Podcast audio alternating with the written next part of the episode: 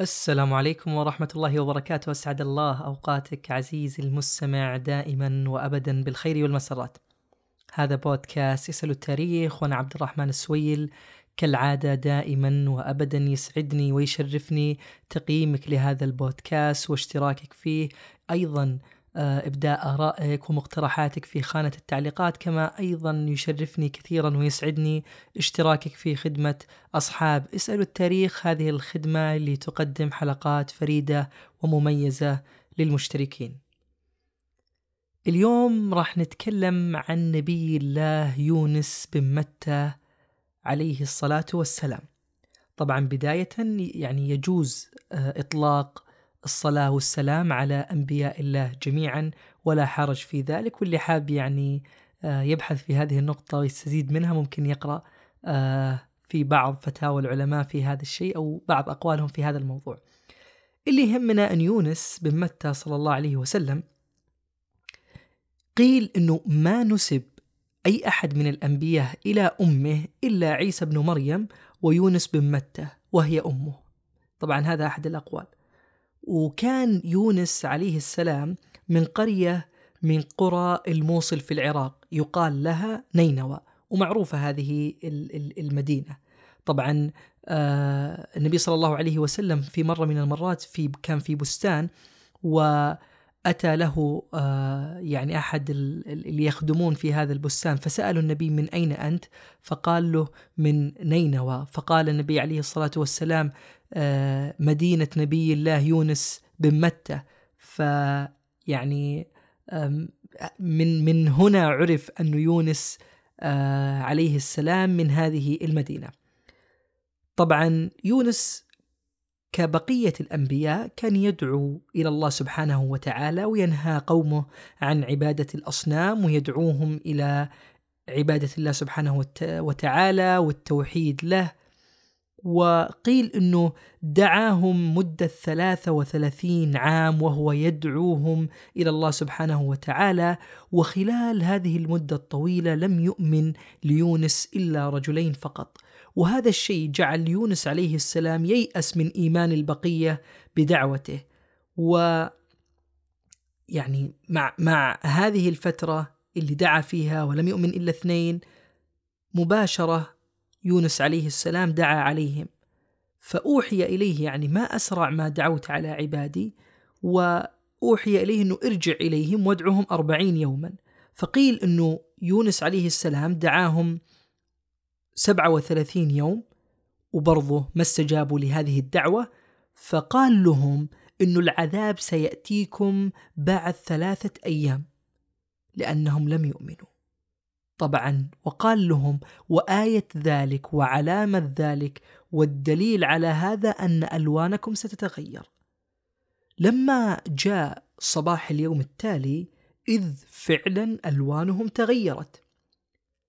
فمباشرة قالوا لبعضهم يعني نزل بكم ما وعد يونس عليه السلام إنه تغيرت ألواننا ونحن لم نجرب على هذا الرجل كذب فهل فعلا سيأتينا العذاب؟ فقالوا انظروا إلى يونس أين هو؟ إن كان معنا في, في هذه القرية وبات معنا فإنه إحنا أمنا من العذاب لأنه واضح أنه هذا الرجل صادق لله سبحانه وتعالى ولن يأتينا العذاب إذا هو كان موجود معنا. وإن لم يبت معنا وإن لم يبت عفوا معنا ولم يكن معنا في في هذا المكان فاعلموا أنه العذاب سيأتيكم يعني لا محالة. فلما كانت ليلة الأربعين اللي وعدهم يونس أنه يأتيهم العذاب أيقنوا خلاص أنه هذا العذاب سيأتيهم لأنهم بحثوا عن يونس فلم يجدوه ويونس عليه السلام خرج يعني من بين أظهرهم ويعني تركهم. فلما يعني رأوا ذلك علموا أن العذاب سيأتيهم. وفعلا لما جاء جاءت صبيحة يوم الأربعين تغشاهم العذاب فوق رؤوسهم وخرج عليهم غيم أسود هائل يعني آه يدخن دخان شديد يعني كذا الغيم هذا فيه دخان أسود شديد جدا إلى درجة إنه يعني نزل على مدينتهم فالسطوح اب يعني بيوتهم والأسطح اللي كانت موجودة آه، في في في في قريتهم أصبحت كلها مغطاة بالسواد اسودت يعني هذه المدينة. فلما رأوا هذا السواد وهذا الدخان الكبير وهذا العذاب اللي قاعد يأتيهم علموا أنه لا مفر من هذا العذاب وبحثوا مثل ما ذكرنا عن يونس ولكن لم يجدوه ولكن الله سبحانه وتعالى ألهمهم التوبة وقيل أنهم فعلا أخلصوا النية لله سبحانه وتعالى وذهبوا إلى أحد الشيوخ عندهم وأخبروه الخبر فقالوا له ماذا نفعل؟ فقال لهم آمنوا بالله وتوبوا وقولوا يا حي يا قيوم يا حي حين لا حي يا حي محيي الموتى يا حي لا إله إلا أنت. وفعلا خرجت يعني هذه أو أصحاب هذه القرية إلى مكان مرتفع وفي هذا المكان فرقوا بين الأم وطفلها وفرقوا بين الدابة وولدها كل هذا من أجل أن يرحمهم الله سبحانه وتعالى. وبدأوا يتضرعون ويلجؤون إلى الله سبحانه وتعالى ويسألونه أن يكشف عنهم العذاب. وفعلا بدأوا حتى أنهم يردون المظالم فكل شخص كان ظالم شخص آخر وعنده يعني له أمانة حق بدأ يعيد الأمانة لهذا الرجل اللي أخذ منه أمانته وإن كان ظلمه في مال في أي شيء بدأ يعيد له ال ال ال الشيء اللي ظلموا فيه حتى أنه قيل كان الرجل يقلع يعني الحجارة من بيته ويعطيها لصاحبه اللي أخذ منه. فمع هذا التضرع لله سبحانه وتعالى ومع هذا الخوف واللجوء شاء الله سبحانه وتعالى أن يكشف عنهم العذاب. قيل إنه هذا الكلام كان في يوم عاشوراء وقيل لا إنه كان في شهر شوال، المهم إنه يونس عليه السلام لما خرج من هذه القرية كان ينتظر الخبر، بدأ ينتظر يبغى يعرف الخبر ماذا حصل لهؤلاء آه القوم. وفعلا مر عليه أحد الرجال فسأله قالوا ما فعل أهل هذه القرية؟ فقال له أنه تابوا إلى الله سبحانه وتعالى وقبل منهم وأخر عنهم العذاب. طبعا يجب أن يعلم أنه لا يوجد يعني قرية كشف عنها الله العذاب بعد أن أتاهم إلا قوم يونس. يعني هذه آه، بنص القرآن أنه لا يعني لم تكن هناك قرية نفعها إيمانها إلا قوم يونس لما آمنوا. فيعني هذه كانت آه، نستطيع أن نقول ميزة لقوم أهل آه، لقوم يونس عليه السلام أن الله سبحانه وتعالى اختصهم بهذا الشيء ولم يختص غيرهم لأنه إذا جاء العذاب لا يعني يعني يقع عليهم لا محالة لكن قوم يونس شاء الله سبحانه وتعالى أن يعفو عنهم. طبعا يونس لما علم هذا الخبر غضب جدا وقيل إنه سبب هذا الغضب إنه كان في عرف تلك الديار وفي عرف ذاك الزمن إنه من يكذب يقتل. يعني اللي يكذب ولا يقول الحقيقة إنه يقتل.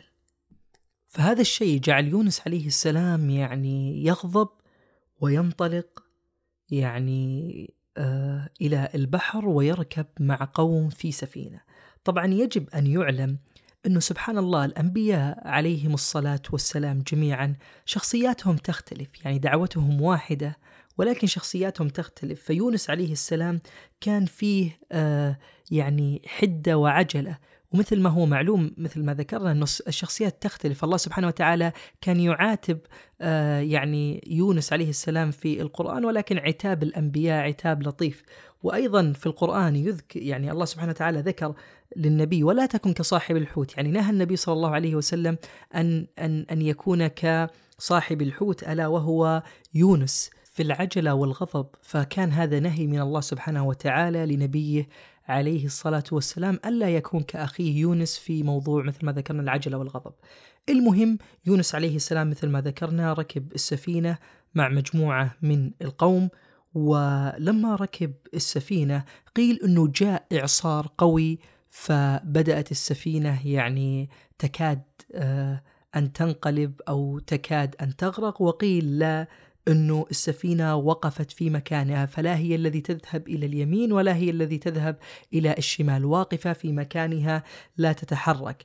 فقيل أنه يعني أحد الموجودين يعني قال أنه هذا بسبب أنه في أحد من الموجودين في السفينة أذنب ذنب يعني يغضب الله سبحانه وتعالى فيجب أن نلقيه.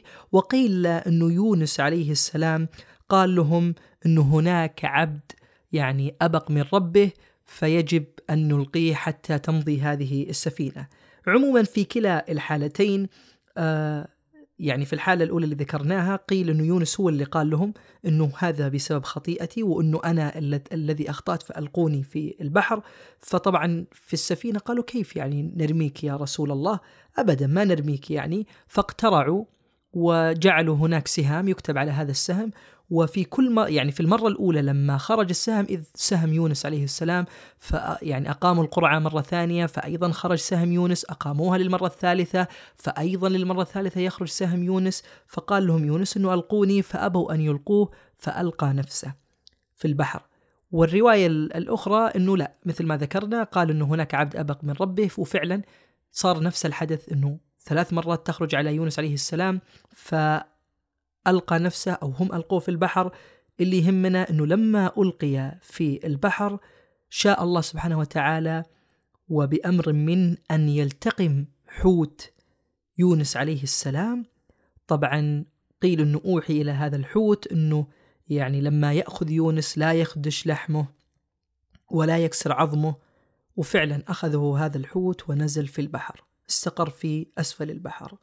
فلما نزل يونس عليه السلام في بطن هذا الحوت إلى أسفل البحر إذ به يسمع صوت. الصوت هذا صوت يعني آه، خفيف ولكن مميز. فهنا أوحى الله سبحانه وتعالى إلى نوح أنه هذا تسبيح الدواب في البحر.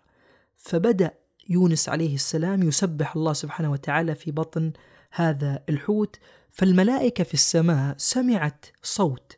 فقالت لله سبحانه وتعالى إنه نسمع صوت ولكن هذا الصوت ضعيف في أرض غريبة، لكن نعرف صاحب هذا الصوت يعني صح نعرف ولكن ما إحنا عارفين وين بالضبط ولكنه في أرض غريبة الصوت هذا معروف. فقالوا يعني فقال آه الله سبحانه وتعالى لهم ذلك عبدي يونس عصاني فحبسه في بطن الحوت في البحر. فقالوا هذا العبد الصالح واستشفعوا لله سبحانه وتعالى فيه.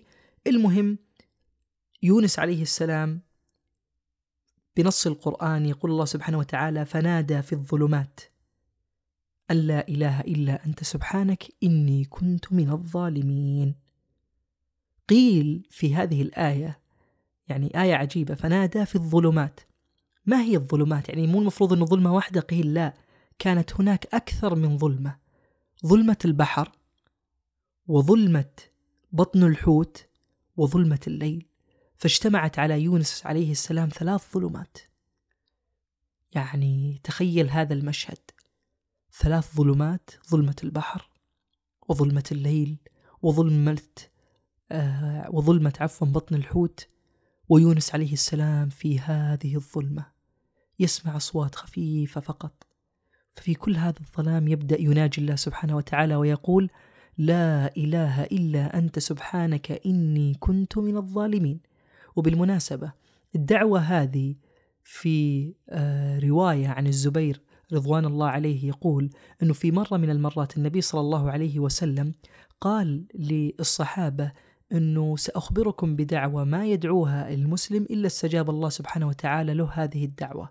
فجاء أحد الأعراب وبدأ يعني يتكلم مع النبي صلى الله عليه وسلم ويسأله حتى أشغل النبي عن, عن إكمال هذه الدعوة. ولكن الزبير يقول أنا من أول أبغى أعرف ما هذه الدعوة. فيقول لما يعني فرغ الأعرابي من مساءلته النبي وتوجه النبي إلى بيته يقول لحقت بالنبي. ولكن يعني شوف أدب الزبير. لم يستطع أن ينادي النبي لأنه لا يريد أن يعني يزعج النبي صلى الله عليه وسلم. فيقول بدأت يعني يعني أوضح للنبي أني أنا أمشي خلفه. يعني قاعد أسمعه أنه أنا تراني في شخص قاعد يمشي خلفك. فالتفت النبي صلى الله عليه وسلم وقال الزبير يعني ما تريد. ف طبعا أنا والله ماني متأكد هل هو الزبير أو سعد بن أبي وقاص ولكن والله أعلم أنه الزبير اللي في هذه القصة. لكن من أراد أنه يستزيد أنه يرجع ويبحث عنها. المهم قال له أنه سمعتك تقول يعني كذا وكذا فقال النبي صلى الله عليه وسلم نعم هذه دعوة أخي يونس لا إله إلا أنت سبحانك إني كنت من الظالمين. فهذه الدعوة الذي لا يدعوها إن شاء الله مسلم إلا استجاب الله سبحانه وتعالى هذه الدعوة. المهم فلما دعا الله سبحانه وتعالى يعني رحم عبده يونس واستجاب لهذه الدعوات وبنص القرآن يقول فلولا أنه كان من المسبحين للبث في بطنه لا يوم يبعثون. يعني تخيل لولا أن يونس كان يسبح الله ويتوب إليه ويستغفره للبث في بطن الحوت إلى أن تقوم القيامة إلى أن إلى يوم أن يبعثون أو عفوا إلى يوم يبعثون. فهذه يعني بنص القرآن من الله سبحانه وتعالى. المهم شاء الله سبحانه وتعالى وأمر هذا الحوت أن يرمي ويلقي يونس عليه السلام على ساحل البحر فخرج من بطن الحوت وقيل إنه لبث في بطنه أربعين يوم وقيل لا كانت عشرين يوم وقيل لا ثلاثة أيام وقيل سبعة أيام. الله أعلم عن المدة الفعلية التي لبث يونس عليه السلام في بطن هذا الحوت. ولما ألقي يونس عليه السلام أنبت الله عليه شجرة من يقطين كان يستظل بها وكان يعني يأكل منها. وقيل إنه آه، الله سبحانه وتعالى أيضا أرسل له الماعز فكان يشرب من لبنها حتى يعني عادت له عافيته. والله أعلم عن هذا. طبعا يذكر إنه يونس عليه السلام يعني الشجره هذه من يقطين اللي نبتت له ويعني بعد فترة يبست فبكى عليها يعني لما يبست. فأوحى الله إليه أنه أتبكي على شجرة أن يبست ولا تبكي على مئة ألف أو يزيدون أردت أن تهلكهم. يعني لما استعجل يونس عليهم العذاب فكان هذا يعني رسالة من الله وتوجيه إلى يونس عليه السلام. المهم خرج يونس عليه السلام حتى إذا رأى يعني غلام يرعى الغنم. فقال له من ممن أنت يا غلام؟ من أي المناطق والأماكن أنت؟ فقال له يعني مع الحديث والكلام أنا من قوم يونس. فقيل أن يونس عليه السلام قال له إذا رجعت إليهم أقرئهم السلام وأخبرهم أنك أنت لقيت يونس عليه السلام. ف وقيل في رواية أخرى أنه أخبرهم أن الله عفى عنكم يعني العذاب وتاب عليكم. المهم الغلام مثل ما ذكرنا في بداية القصة أنه قوم يونس كما هو معلوم أنه العذاب آه عفوا أنه الشخص إن قال كذبة ولم يكن عليها بينة يقتل. فقال له يعني أنت يا رسول الله تعلم أنه يعني إن قلت هذا الكلام ولم يكن هناك بينة سيكذبوني قومي. كيف أقول لهم أني أنا لقيتك وأنك تقرئهم السلام وأن الله عفى عنهم وأقول هالكلام يعني لازم يكون فعلا شيء يثبت هذا الكلام. فقال الغلام ليونس من يشهد لي؟ فقال له يونس عليه السلام تشهد لك هذه الشجرة وهذه البقعة. فقال الغلام ليونس مرهما يعني أمر البقعة والشجرة. فقال يونس آه، آه، صلى الله عليه وسلم إذا جاءكم هذا الغلام فاشهدا له. ففي تلك اللحظة الشجرة والبقعة قالتا نعم معجزة من الله سبحانه وتعالى لنبيه.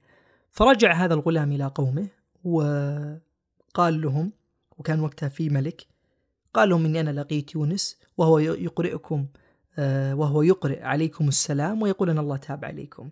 فالملك أمر أنه يقتل. يعني أنت الآن كذبت. كيف نصدق هذا الكلام؟ فقال له أنه أنا عندي بينة. قالوا ما هي هذه البينة؟ قال تعالوا معي عند الشجرة والبقعة. وفعلا ذهب هذا الغلام إلى البقعة والشجرة اللي آه يعني حددهما يونس عليه عليه السلام لهذا الغلام. فقال الغلام لهم ناشدتكم بالله. هل أشهدكما يونس؟ قالتا نعم. فالقوم رجعوا مذعورين يعني خائفين يقولون هذا الغلام شهدت له الشجرة والأرض. وفعلا أتوا الملك وحدثوه بهذا الأمر. فقيل أن الملك تناول يد هذا الغلام وأجلسه في كرسيه وفي مجلسه وقال له أنت أحق بهذا المكان مني. وهذا الغلام أصبح يعني ملك عليهم لمدة أربعين سنة.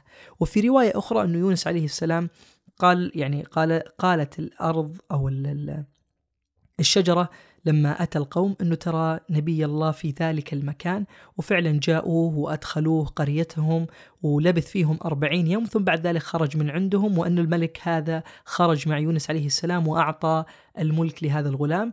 أيا كانت الروايات آه، فالله أعلم بصحتها.